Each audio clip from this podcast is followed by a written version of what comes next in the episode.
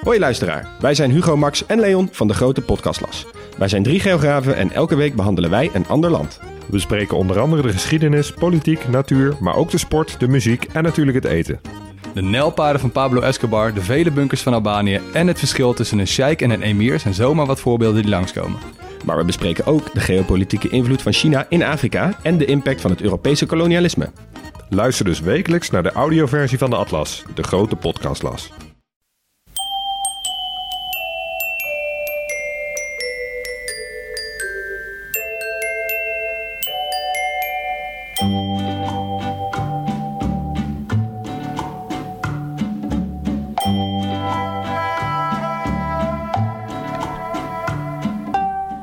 Welkom bij aflevering 25 van de Echt Gebeurd podcast.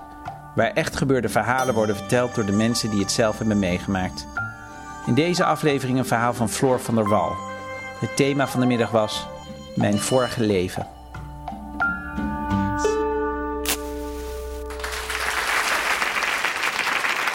Ja, het is uh, juni 1998. Ik ben 12 jaar. En ik uh, fiets een beetje, een beetje, heel erg in paniek naar huis. Het steegje achter het huis in. De poort door. En daar zit mijn moeder op een uh, stoel dat is meestal, zit je op een stoel, uh, zit ze uh, een boek te lezen. Zij legt het direct neer en kijkt me verwachtingsvol aan. En ik begin eigenlijk direct heel hard te huilen. Ik had namelijk uh, net de kennismaking van mijn middelbare school gehad. En um, ik vond dat helemaal niet leuk. Ik zat namelijk in de klas bij meisjes met heel veel make-up op en die liepen op hakken en bij Marokkaanse jongens. Ik was helemaal in paniek. Later heb ik me daar heel erg voor geschaamd. Van wat bleek nou, mijn hele middelbare schoolperiode. De drie, welgeteld drie Marokkaanse jongens die bij mij in de klas waren, zaten. Dat waren de enige jongens die af en toe van me opkwamen. Ik, um, um, waarom ik zo in paniek was, ik had mijn hele uh, basisschoolperiode heel uh, ik, nee, ik was gewoon bang eigenlijk. Ik ging naar de middelbare school en de hele basisschoolperiode kende iedereen me. Ik, um, even voor jullie handig om te weten, ik ben spastisch door mijn hele lichaam. En als je uh, als vierjarig kindje in een klas komt, dan is het gewoon normaal. Dan praat iemand een beetje anders. Maar dat accepteren ze wel. Dan ben je gewoon af en toe heel slome en dat is het. Maar als je dan naar de middelbare school gaat, moet je weer helemaal overnieuw beginnen. En iedereen is bang op dat moment. En ik denk dat uh, ik schoof het af op mijn handicap. Van zullen ze me wel accepteren zoals ik ben. Maar ik denk dat eigenlijk misschien degene die nog het meest bang was die periode was uh, Jurre Riemersma. Jurre Riemersma zat bij mij in de klas. En um, hij. Zit hij in de zaal of niet? Nee, dan durf ik het niet meer. Nee. Nee, Jurre Riemersma, dat was, dat was een uh, jongen en hij was niet zo heel mooi. Hij praatte ook een beetje raar. Ik ook, maar ik heb een reden. En uh, Shit, ik had zo besloten geen grapjes te maken. Nee, maar Jurre die, die, um, die, ja, die had dus een afleider nodig van zichzelf. En uh, dat was ik. Dus uh, Jurre die heeft mij eigenlijk 4,5 jaar lang gepest op school. En hij pestte niet op een opzichtige manier... Maar hij pestte eigenlijk op een uh, manier dat docenten het niet door hadden. Dus uh, dat die voorbij liepen en dat hij zei: Hé hey Floor, er zit iets uh, op je neus. En dat was dan een buist. Um, of um, dat hij achter me liep naar de kantine en op mijn hakken ging staan. En ik heb niet zo'n goed evenwicht, dus ik lag op de grond. Of dat ik zat te praten met een docent over dat ik naar de tv en uh, filmacademie wilde. En dat hij zei, denk jij dat jij dat kan? Docenten hadden niet door dat hij op een neerbuigende manier mij constant naar beneden aan het halen was. En toch op een of andere manier in zo'n situatie hou je de hoop dat zo'n jongen jou uiteindelijk wel gaat respecteren. En Jure deed af en toe wel aardig tegen mij. En dat was uh, vooral op dagen dat wij uh, tentamens hadden. Want um, ik schrijf ook niet zo snel. Um, als ik ook een kaartje moet schrijven, dan moet ik een half uur eerder weg. Omdat ik eerst dat kaartje moet schrijven. Maar goed, ik um, had dus een laptop. En Jurre kwam er al snel achter dat ik heel goed was in leren. En dat ik mijn tentamens altijd heel erg goed maakte. Dus als hij dan achter mij ging zitten en ik even een beetje naar rechts ging, dan kon hij precies de antwoorden van mijn beeldscherm aflezen. Dus uh, op uh, dagen van tentamens kwam hij naar me toe, deed hij heel aardig. En dan zei hij: Goh, als ik kuch, kan jij dan naar rechts buigen. En dat deed ik. Maar ik deed het echt meer altijd als hij het vroeg. Altijd in de hoop van misschien dat hij daarna wel aardig tegen me gaat doen. Beetje dom natuurlijk. Als je merkt dat de dag daarna niks veranderd is en hij gewoon weer doorgaat in zijn oude patroon. Maar ik bleef dat denken het toeval wil ook dat ik, ik ging eerst, ik zat in de MAVO-HAVO-klas. En dan heb je na twee jaar, dan gaat de ene helft MAVO doen en de andere helft HAVO. En dan kon je een nieuwe klas. Ik zat weer bij jullie in de klas.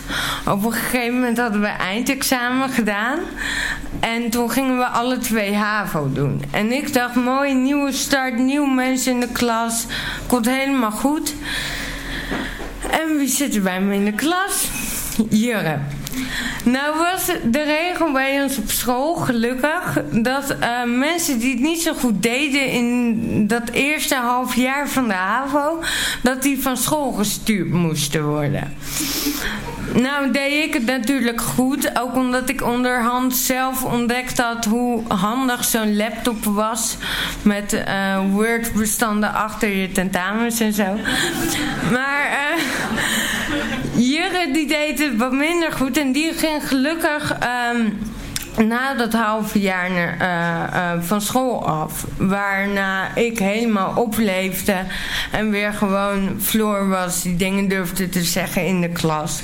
Die durfde te lachen zonder dat ik bang was dat iemand een opmerking zou maken. Waardoor ik me weer um, heel onzeker ging voelen. Um, dus dat, dat was allemaal oké. Okay. Op een gegeven moment ben ik gaan studeren in Amsterdam. Nou, ging nog beter. Um, en ik, ik had me op een gegeven moment dacht ik van nou, als ik die jongen weer tegenkom, dan ja, ik, ik ben gewoon super goed bezig. Ik, ik, uh, ik, ik ben aan het studeren, ik woon op mezelf. Ik had ondertussen gehoord dat hij zijn MBO niet afgemaakt had en werkte als een schoenenverkoper. Dus um, ik dacht, als ik hem zie, dan kan ik gewoon denken: ja, jongen, het is goed met je, maar die grote bek, je bent er niet mee gekomen waar je wilde. Dus dat dacht ik de hele tijd. En op een gegeven moment werd ik als redacteur voor een tv-programma in Hilversum. En um, ik uh, kwam de Albert Heijn uit, zo'n Albert Heijn to go. En ik zag ineens iemand gebogen over zijn rugzak staan. En ik zag direct dat het de Jurre was. Ik had hem al vijf jaar niet gezien of zo. En tegen al mijn verwachtingen in schoot ik weer compleet in mijn pubermodus. En was al die onzekerheid terug. Um, dus ik loop zo snel mogelijk weg. Maar hij loopt achter mij aan omdat hij ook op dezelfde plek moest zijn waar de bussen waren. Wat doe ik? Ik ga staan nepbellen. Maar dan heb ik echt een heel verhaal wat echt nergens over gaat. Allemaal bekende namen noemen waarmee ik op dat moment mee werkte op dat tv-programma. En ineens dacht ik, ja, waar ben ik nou mee bezig? Want als mijn telefoon nu afgaat Maar is, ik was zo teleurgesteld in mezelf ook eigenlijk achteraf. Dat hij nog steeds die impact op me had. Ik dacht dat ik dat onzekere, bange meisje al lang achter me gelaten had. En dat ik helemaal gewoon overnieuw was begonnen in Amsterdam met een nieuw leven. En ik heb daar eens uh, over nagedacht. En ik, ben eigenlijk niet meer teleurgesteld in mezelf. Ik ben tot de conclusie gekomen dat... Uh, ja, ik heb dat hoofdstuk dan wel afgesloten, maar, maar ons leven werkt eigenlijk als een soort van boek. Je kan een hoofdstuk wel afsluiten, maar zonder de teleurstelling, uh, de ervaring en de pijn van de voorgaande hoofdstukken um, maakt het, ja, maakt het, wordt het leven niet interessanter. Uh, uh, leuker of, of ja, vrolijker. Dus ja, ik weet niet, aankomend jaar heb ik een reunie op de middelbare school. Ik weet niet wat dat weer met me doet. Ik weet in ieder geval dat, uh, ook al heb ik nog steeds een knetterharde hekel aan Jurk Riemersma. Um, hij, hij draagt mee aan mijn verhaal en dat is goed.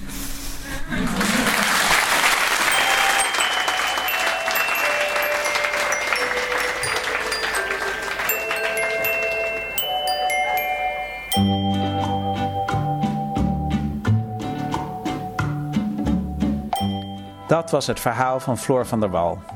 Tot ons grote verdriet kwam Floor afgelopen jaar om bij een verschrikkelijk verkeersongeluk. Ze was net aangenomen als stand-up comedian bij Comedy Train. Bij Echt Gebeurd kwam ze vaak kijken en toen ze meedeed bleek ze een begaafd verhalenverteller te zijn. We vinden het onverkwikkelijk dat we geen nieuwe verhalen van Floor meer kunnen horen. Floor was de levendigheid zelf en we hadden haar nog zo verschrikkelijk veel verhalen gegund. Voor wie meer over Floor van der Wal wil weten, verschijnt er deze maand bij uitgeverij Lebowski het autobiografische boek Broze Snippers van een Intens Leven. Het boek is samengesteld uit e-mails, sms-berichten, weblogfragmenten, dagboekfragmenten, brieven, gedichten en theaterteksten die Floor schreef. Floor zou in januari van dit jaar 27 jaar zijn geworden.